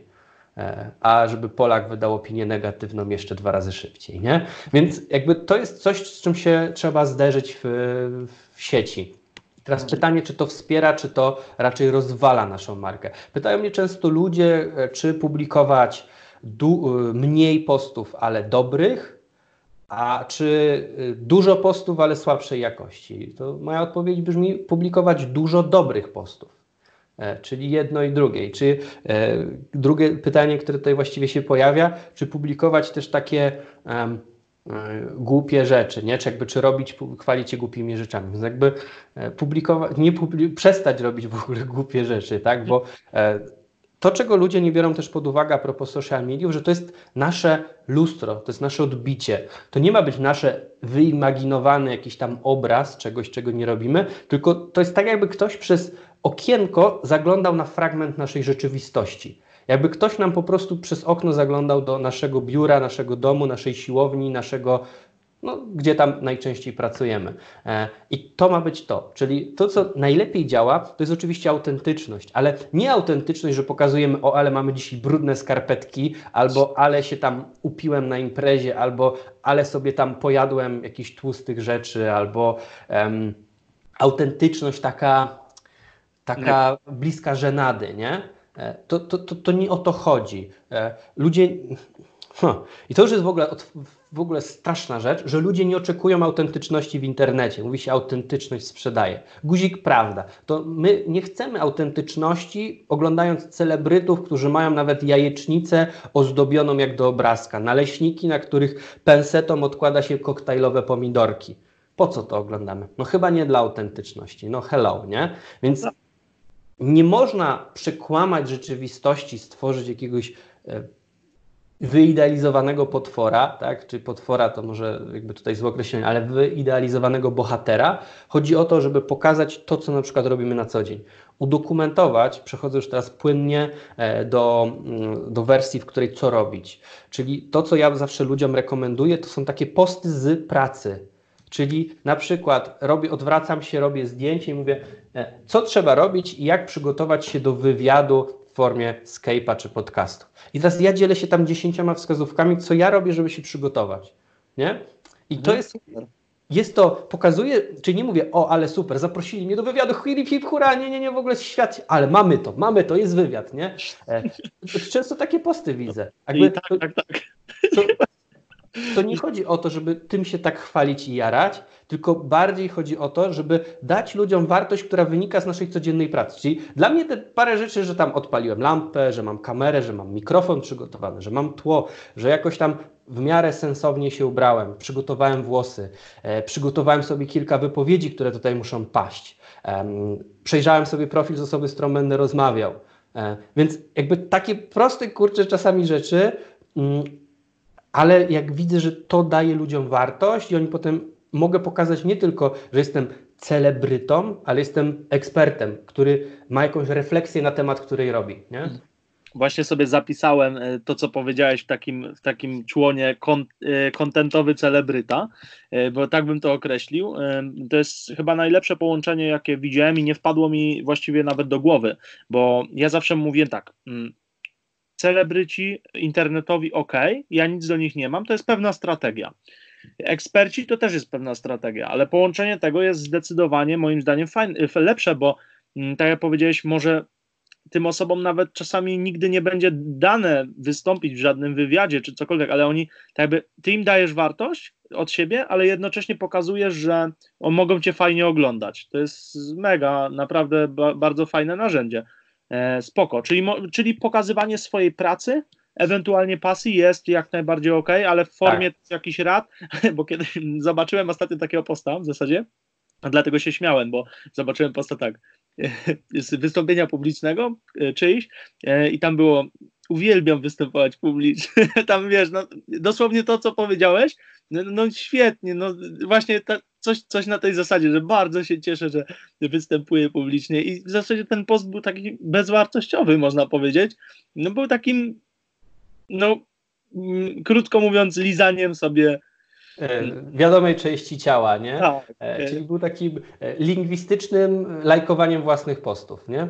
No, by, było to po prostu troszkę dziwne. Zastanawiałem się właściwie, e, co ten post ma wywołać. Nie? Co... A tu przechodzimy tak do, dosyć płynnie do copywritingu, że jest mnóstwo treści i postów, które właściwie totalnie mają bardzo dużo słów, ale nic nie oznaczają. Kiedyś w ogóle widziałem taką fajną e, ramkę, gdzie były podzielone zwroty na ramki. Można było dzielić w, w dowolny sposób, łączyć te e, kolumny, tak? Mhm. Jak się połączyło kolumny, to wychodziła bardzo dobrze brzmiąca odpowiedź, e, która totalnie nic nie oznaczała, nie? Czyli było to mhm. w stylu, e, to bardzo ważne zagadnienie, musimy rozważyć wszystkie za i przeciw, natomiast jest to dla nas kwestia priorytetowa, nie? I jakby... No, no, no. Kurczę, no fajnie, nie? Jakby cudowne wyrazy, w ogóle takie artystyczno-naukowo-literackie, mm, tak? Ale nic nie wnoszące, nic nie dające i takie watosłowie, tak? Ja to nazywam. No, jak się nastawimy na taką mocną efektywność, to takie zdania naprawdę brzmią komicznie i czasami można się dziwnie poczuć w rozmowie z kimś, kiedy on operuje takimi zwrotami. Miałem taką tak. sytuację, tutaj y, y, widzę, że troszeczkę luźniejszy ten podcast też będzie niż zwykle, ale miałem taką sytuację, że rozmawiałem z osobą z branży medialnej. Nie będę się tam wdawał dokładnie, jaką funkcję pełniła, ale bardziej, bardziej film i te rzeczy. No i ta rozmowa była właśnie totalnie niczym. W sensie trwała 40 minut i nie potrafiłbym powiedzieć, o czym była. Tak? To było na zasadzie, trzeba pomyśleć teraz, bo w zasadzie nadchodzi. E, no i będzie, no wiesz. No, faktycznie to ważne, nie? Nie, nie, do, dobrze to ująłeś, dobrze to ująłeś. Ja jeszcze bym dodał od siebie, i zwrócił uwagę. No tak, to jest właśnie to. Y, tak. No i jeszcze najgorzej, jak się kończy w sumie w stylu takim rozmowy, to już przechodzimy na grunt telefoniczny. Ktoś mówi, no i byłem w Sebu weterynarza. I ten weterynarz, słuchaj, nowe auto sobie kupił, nie? E, I, no tak, i, i po prostu, aha, nie? Jakby, ale co to ma do rzeczy? Ale nie, nie, słuchaj, bo to auto, no to tak. się okazuje, że mamy takie samo, nie? No, i jakby wiesz, no, są te wszystkie rozmowy, które tam do niczego nie prowadzą. One podtrzymują relacje, tylko że ludzie znowu zbyt bezpośrednio, z czego to wynika? Ludzie zbyt bezpośrednio przenoszą relacje ze swoim super fumflem, super przyjacielem i takie e, rozmowy przy browarze, ja bym je nazwał, do internetu, gdzie jednak ludzie oprócz, zanim, zanim jesteś super celebrytą, gdzie podążają i sprawdzają, jaki, jaki makaron e, używasz w swoich spaghetti, to do momentu, w którym tego nie masz, to, to lepiej dawać ludziom tą wartość, a nie tylko ten e, właśnie ja i ku na pociąg, nie? E, no takie często takie posty są, albo ja i Pendolino, no i, i jakby so what? Albo wiesz, coś na zasadzie często pytacie mnie, a tam jeden like, nie? No, no. I, to, I, w zasadzie nie wiesz, kto, kto pyta o te rzeczy. No, no ten jeden like, nie? No tak. No, Dobra, ale to, to też czasem, wiesz, te, te, jeden like to się też zdarza, bo ja patrzę na przykład, ktoś robi e, reklamę, no, to już bardziej zaawansowanym, też mam czasem, często mało lajków pod na przykład reklamą, ale z czego to wynika? No jak mam 16 albo 32 warianty postów, no to jak pod każdym się nie zbierze ileś tam set lajków, nie? Jakby to też trzeba na to z tej strony popatrzeć, że czasami nam się wydaje, ok, mało lajków w takim bardzo prostym znaczeniu, ale za tym stoi bardziej złożony proces, czyli ta sama grafika ma e, ileś wersji nagłówków. Na przykład ludzie czasem tam mówią, zadałem komentarz pod tym e, wideo, czemu on został usunięty, nie? No ale te, to wideo ma ileś tam scenariuszy, ileś tam wariantów, nie? Czego, czego totalnie ktoś tam nie bierze.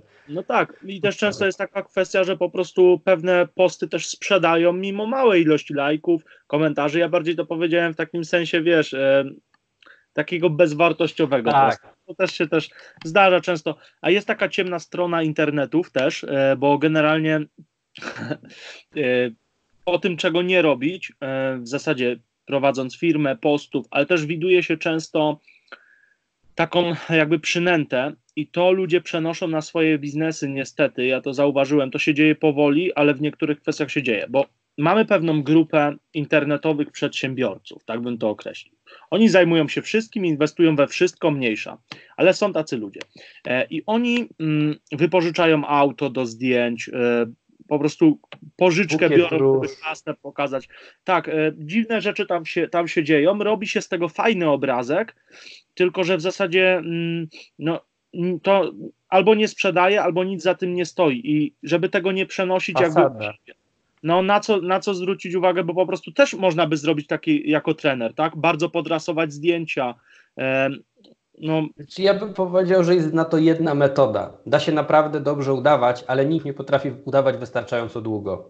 mhm. Czyli okej. czas weryfikuje. Jeżeli ktoś e, po prostu ściemnia, to prędzej czy później to wyjdzie. E, Jeżeli nie ściemnia, to nie wyjdzie. Albo jeżeli jest bardzo dobry, to też nie wyjdzie. No jakby to jest, czy, No czy tak. to jest tylko PR, czy to jest czyjaś wartość? I jakby nie znam mechanizmu, który gdzieś tam podłącza ludzi do encefalografu, tak się chyba nazywa, ten co tam wykrywacz kłamstw Mhm. e, i, i po prostu sprawdza, czy, czy ktoś mówi prawdę, czy nie. Jakby to. e, Ja często powtarzam takie zdanie, myślę, że warto sobie od razu dzielić to przez dwa i kwestionować wszystko, co się widzi.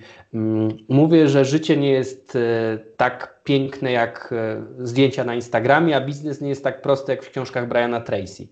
E, I jakby to jest coś, z czego Tak. wychodzę, że na wielu szkoleniach, w wielu miejscach mówi się, że wszystko jest proste, łatwe, przyjemne. No tak, proste, łatwe, przyjemne, jak ktoś ci to mówi, ale dużo trudniejsze, jak trzeba to samemu zrobić. No to jest tak samo, jak e, dużo łatwiej jest obejrzeć film, niż zagrać w filmie, nie? Tak Jakby Jasne. analogia tutaj do tego, że jedne rzeczy łatwo, niby rozumiemy na poziomie logicznym, no ale to zrób teraz. No i okazuje się, że zrób teraz to jest paraliż i blokada i nie jesteśmy w stanie tego zrobić, nie? No tak, tak się, tak się łatwo wydaje, kiedy ktoś na przykład kopie piłkę i łatwo to oceniamy, a czemu on nie trafił, to było takie proste. No, no, tak. no. Stoi za tym tak, wie, tak wiele rzeczy, nie? E, A powiedz, jakbyś miał powiedzieć, bo marketing też się wiąże Twoim zdaniem, nie wiem, jak myślisz, e, z budowaniem swojej marki, e, czy co byś powiedział, bo może być jednorazowa akcja marketingowa, sprzedażowa, prawda? Może być Mhm. długofalowa Marka- strategia. Marka jest zawsze elementem marketingu, czyli jest jednym ze składowych. E, I teraz ktoś mówi, ja nie buduję swojej marki. Guzik, prawda. Mark, marka jest tak samo jak temperatura ciała. Nawet nieboszczyk jakąś temperaturę ciała ma, najczęściej taką jak pomieszczenie, w którym się znajduje, nie? E, Ale chodzi o to, że marka to jest właśnie to, co o tobie ludzie mówią, kiedy nie macie w tym pomieszczeniu. Czyli wychodzisz i ktoś tam mówi, ale ten Kuba tam pilnuje tempa picia alkoholu. Nie wiem, wymyśliłem teraz, tak? Mhm. Albo ten Kuba wyciska, on nam na klatę bierze 190, nie? Jakby mm, zawsze ktoś jednym zdaniem cię kwituje, jak wychodzisz. Albo, ale ja go nie lubię, nie? Jakby takie po prostu jedno zdanie, pszczoła przeszła, nie? I, i ludzie ma, zawsze o każdym człowieku, którym znasz, jesteś w stanie takie jedno zdanie wypowiedzieć. I to jest jego marka.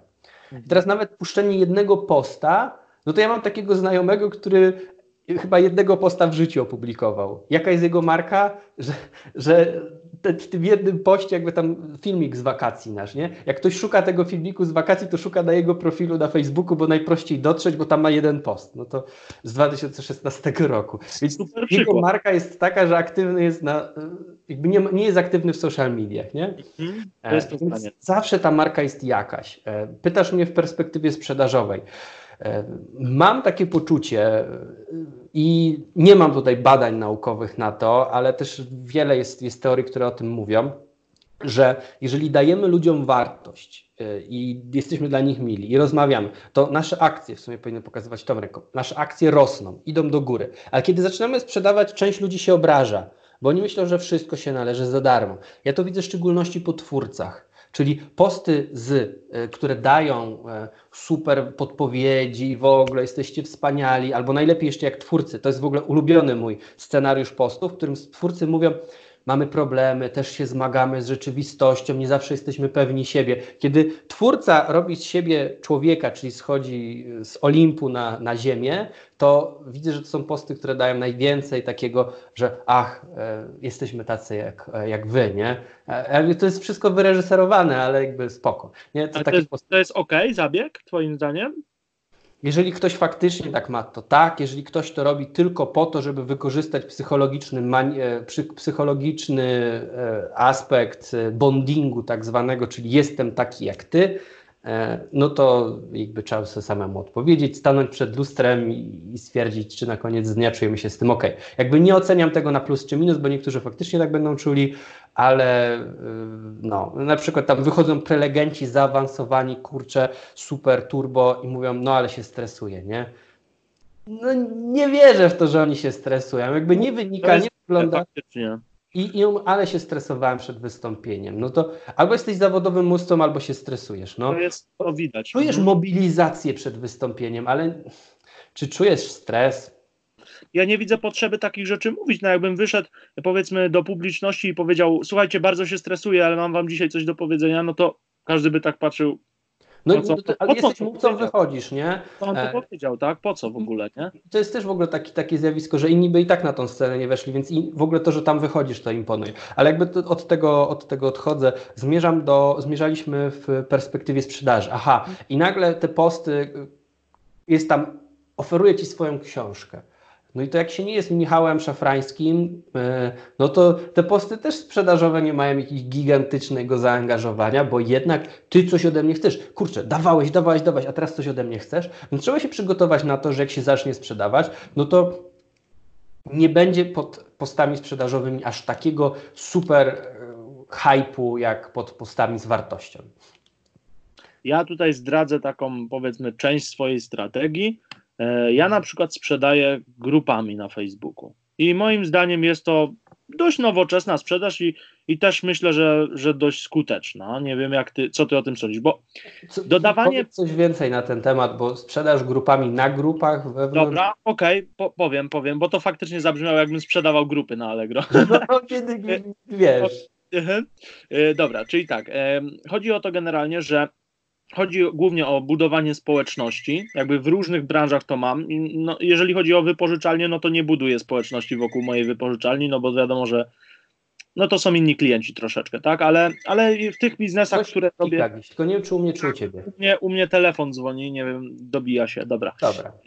No, później. E, ok, czyli tak, e, tam buduję społeczność, dając wartość i ci ludzie troszeczkę inaczej na to spoglądają i oni w sumie powiem szczerze, bardzo e, chętnie kupują. Bo po prostu mm, to jest naturalne przedłużenie jakby troszeczkę tej relacji, bo ja już bardzo dużo powiedziałem i w zasadzie proponuję tylko współpracę ze mną. Słuchaj, uporządkujmy to, czego już się dowiedziałeś. Ja ci powiedziałem praktycznie bardzo dużo rzeczy, tylko chciałbym z tobą to uporządkować i gwarantuję ci, że ten efekt będzie, a jeśli nie, to ja ci zwrócę pieniądze. Prosta sprawa. Tak to, tak to wygląda. E, natomiast jeżeli chodzi o posty takie publiczne, e, no to ja tam szczerze mówiąc nie sprzedaję aż tak dużo. E, zdarza się, że wrzucę, wrzucę coś takiego, taką wrzutkę trochę sprzedażową, ale bardziej właśnie idę w te strony tak grupy, czy newslettera, czy webinarów. Uważam, że to jednak lepiej działa. Czy nawet darmowych, personalizowanych e-booków, to podpowiem trenerom, robię takie e-booki dla dla podopiecznych spersonalizowane, gdzie tam jest na przykład 10 punktów dopasowanych do osoby, do jego życia i tak dalej, do jego trybu życia, do jego pracy. Ciekawe. No. Nie, okay. nie zajmuje to dużo czasu, a jakby... Daje przełożenie. Mhm, no. Właśnie y, nie wiem tak zbytnio, jakie było pytanie. Bo ja nie, pytanie było dokładnie takie, już mówię, że jak e, jesteśmy influencerami, dochodzimy do pewnego poziomu, że tam e, z pięć osób i nie wszyscy to nasi rodzice interesuje się naszym życiem, e, to, mhm, to okay. jest moment, w którym dając wartość, dając posty, które mają jakieś przemyślenia, doświadczenie, generalnie coś nowego pokazują, nową, świeżą perspektywę, punkt widzenia, na który ktoś wcześniej nie zdawał sobie sprawy, mm, to jest spoko, nie? By tam wszyscy chwalą. Ale Właśnie. kiedy zaczyna się, no to teraz to ten bym coś tutaj poprosił, no to już się zaczyna troszeczkę gorzej, nie? Z, może, z lajkami o tym mówię. może jak to na przykład połączyć? Zdradziłbyś trochę słuchaczom, e, jak można, gdzie jest ta granica? Trzy razy daj weź, pięć razy daj weź, czy w ogóle dziesięć razy daj weź, na przykład? Nie? Chyba najbliżej dziesięć razy daj raz weź. Z czego, na co ja patrzę? Mm, w zależności od biznesu, bo są biznesy, w których jest o czym mówić, jest o czym pisać. Dajmy na to, sprzedajesz, sprzedajesz coś typu kwiatki, tak? no o kwiatkach, albo sprzedajesz samochody. Myślę, że to jest lepszy e, przykład.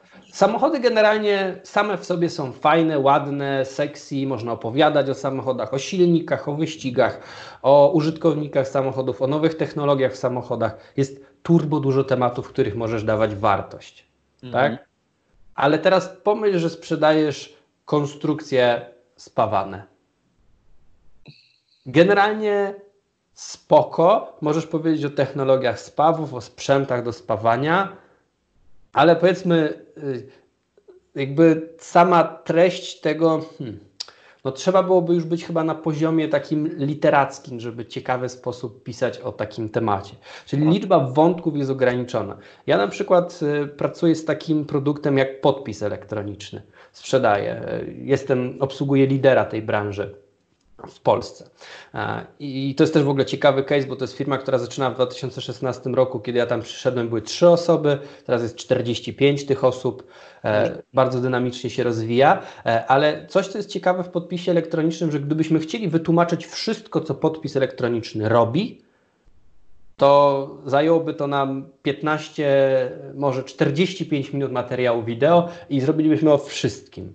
Czyli jakby to jest Urządzenie, żeby też wyjaśnić, że kiedyś podpisywało się takim piórem dokumenty, dzisiaj można z dowolnego miejsca na świecie mieć aplikację w komórce, która e, potwierdzona, potwierdza naszą tożsamość, wtedy my z komórki przepisujemy numer na komputer, tam się wstawia nasz podpis, sygnatura, kiedy podpisaliśmy, gdzie e, i, i generalnie ten dokument jest tak samo ważny jak ten podpisany i odesłany pocztą. Aha. Mega narzędzie usprawniające pracę ale to jakby tyle woli wyjaśnienia, nie? Dwie aplikacje pobierz, tutaj mamy taki szyfr, co trzy lata się ten e, szyfr odnawia, ten kod, taki klucz matka i jakby no, no, nie ma za bardzo o czym mówić, więc o czym my mówimy? O zastosowaniu tego podpisu w różnych branżach, w leśnictwie, w górnictwie, w sprawozdaniach finansowych, w podsumowaniach rocznych, właśnie pod, podpisywania umów ze swoimi podwykonawcami, czyli pokazujemy różne zastosowania, pokazujemy ile tych podpisów już jest sprzedane, pokazujemy ludzi, którzy z tego korzystają, pokazujemy opinie ludzi o tym, czyli jakby trzeba zmienić sposób narracji, nie, nie skupić się tylko na produkcie, ale na wszystkim wokoło, tak? I to jest taki klucz, który, który ja tutaj bym przyjął. E, nie tylko koncentracja na produkcie, czyli o różnych obszarach też mówimy. Mówimy o zwiększeniu efektywności mm, pracy. Teraz mówimy o fi filozofii paperless, żeby prowadzić w ogóle biuro i firmę bez drukarek, bez kartek papieru. No, co też jest, wkłada, wkłada się w nurt eko. E, super sprawa. Mm, mamy jakiś coś większego od nas samych, o czym można opowiedzieć, bo mówienie o samym aplikacji no byłoby uber super nudne, nie?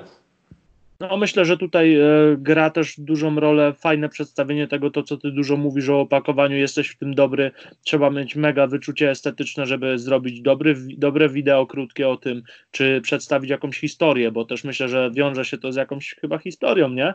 Historia jakiegoś pana biznesmena, któremu to uratowało życie, że miał tak. Znaczy, tak, zrobiliśmy, jest tam ileś historii. Oczywiście naszym targetem jest głównie biznes, ale na przykład zrobiliśmy historię, autentycznie opracowaliśmy to, co się zgłosił klient, gdzie dziecko złamało nogę lub rękę e, hmm. i trzeba było operować, była potrzebna zgoda rodzica, e, gdzie musiałby pojechać chyba do Francji, już teraz nie pamiętam, bo to było ileś tam miesięcy temu, e, pojechał do, musiał, musiał pojechać do Francji, tam podpisać ten dokument, zgodzący się na operację, która ryzykuje życie i podpisał go podpisem elektronicznym. Zamiast jechać tam, wyrobił sobie go w Polsce, podpisał elektronicznie w Polsce, odesłał i dopiero poleciał. Bo tak jakby e, ta operacja opóźniłaby się o ileś naście godzin i to zryzykowało, zwiększałoby ryzyko po prostu życia tego dziecka, więc e, tam była jakaś skomplikowana rzecz, nie pamiętam szczegółów, ale wiem, że to też można było ubrać w story po prostu.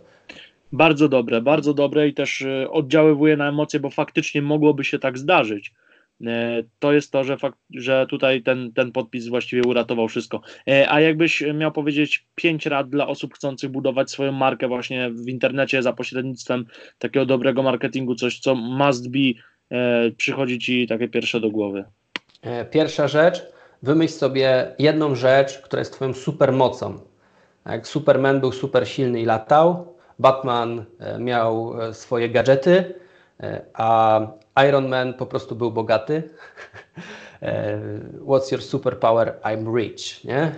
To tam ten dialog mniej więcej taki, więc utwórz, co jest u ciebie super siłą i gdybyś miał jedną rzecz powiedzieć o sobie, to co by to było? Mm, to jest pierwsza, pierwsza z tych rzeczy, czyli określ, co robisz dobrze. Druga rzecz, e, dokumentuj to, co robisz, żeby eksponować to, że to, co robisz e, i w czym twierdzisz, że jesteś dobry, to używasz tego na co dzień. E, to jest jakby drugi poziom. E, mhm. Trzeci poziom, totalnie nie bój się, że na początku może być niezbyt wielu zainteresowanych poza Twoją dziewczyną, chłopakiem i rodzicami i kimś tam jeszcze z najbliższego otoczenia.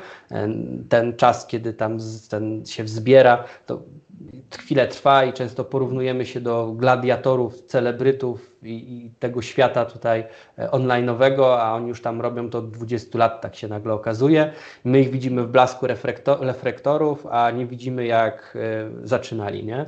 Mhm. Mm, to jest jakby bardzo, bardzo, bardzo istotne.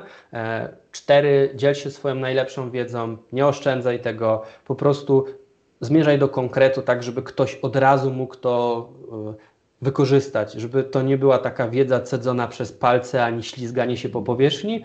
E, I, i, I, piąta rzecz, najważniejsza, to się nie dzieje z dnia na dzień, daj sobie, e, daj sobie czas. Czyli Super. to, żeby mieć z tyłu głowy, że to jest raczej e, maraton niż sprint i, i to, żeby że to jest też efekt kuli śniegowej, tak? Czyli jak ona na początku jest malutka, ale potem bardzo szybko nabiera na swojej wielkości i, i, i to jest coś, co trzeba też mieć właśnie e, z tyłu głowy.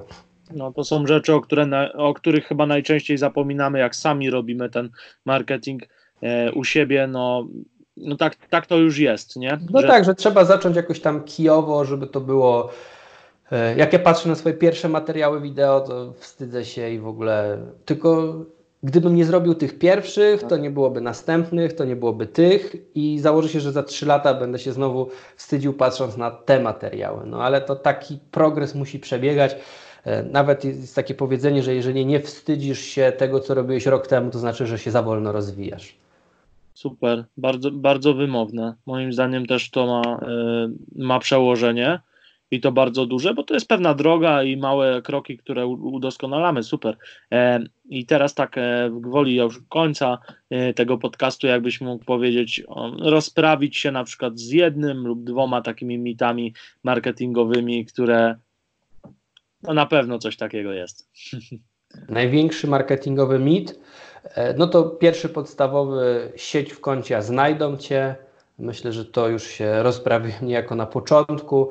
W zalewie komunikatów nie znajdą Cię. Więc jeżeli masz wartość, to Twoim obowiązkiem jest dostarczyć, Twoim przedsiębiorczym obowiązkiem jest dostarczyć to w każdej możliwej postaci do swoich klientów. Jeżeli jesteś w stanie im pomóc, to znaczy, że powinieneś to robić, powinnaś to robić. To jest pierwsza rzecz. E, a druga z tych rzeczy, że mm, hmm, a, ja myślę, że trochę to zderzenie, że nie potrzebujesz nieskończenie wielu klientów.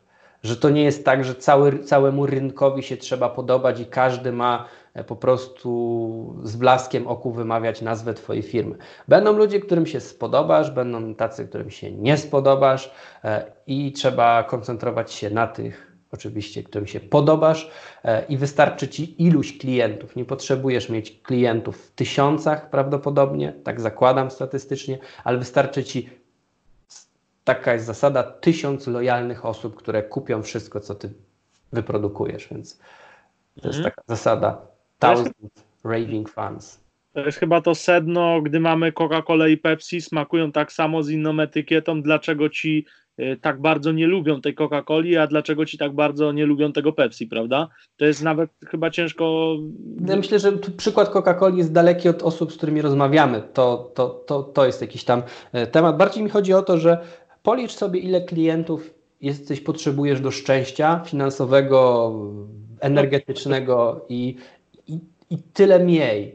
Nie potrzebujesz więcej. Chyba, że chcesz się ciągle rozwijać, apetyt rośnie w miarę jedzenia, ale skup się na początek na tych, których jesteś w stanie zadowolić, a nie jest ich tak dużo, jak myślisz.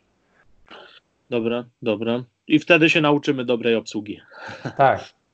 E, okay, więc tak, e, myślę, że fajnie, super, no dość e, spore nagranie nam, nam wyszło. Linki do wszelkich inicjatyw Wojciecha będą poniżej, jeśli chodzi o YouTube'a, no bo wiadomo, że na Spotify i innych serwisach nie ma takiej możliwości.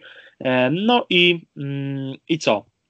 Wojciech też prowadzi podcast, więc myślę, że fajnie by było przekierować już odbiorców, których też interesują takie tematy do ciebie Miałbyś w dwóch słowach y, i co, dlaczego, kiedy twój podcast, y, bo, bo robisz też y, krótsze na przykład podcasty, możesz też powiedzieć trochę dlaczego, może trochę o podcaście, skąd mm -hmm. się wziął pomysł. Dokładnie w dwóch zdaniach wyszedłem z założenia, że marketing to jest bardzo skomplikowana i złożona dyscyplina. E, I oczywiście można powiedzieć, że to jest zbyt skomplikowane i nie będę się tego uczyć, e, ale jednak to jest obowiązek przedsiębiorcy, żeby jakąś wiedzę mieć i te niezbędne elementy, które warto wiedzieć, podane w 7, 12, czasami 15-minutowych pigułkach e, omawiam w swoim podcaście, e, tak żeby ktoś mógł w takim trakcie dojazdu do pracy. Moją filozofią było to, że mniej więcej tam okay. kilka, kilkanaście minut ten czas dojazdu do pracy trwa, to żeby mógł wysłuchać kompletnego odcinka i, i to się dosyć mocno sprawdza, bo e, w tematyce biznesowej jestem plasowany jako jeden z pięciu najchętniej słuchanych twórców podcastów więc to wystarczy sobie wpisać skuteczny marketing i po prostu ocenić, czy taki format jest czymś, co Tobie się akurat spodoba e, i będzie, będzie ok, nie?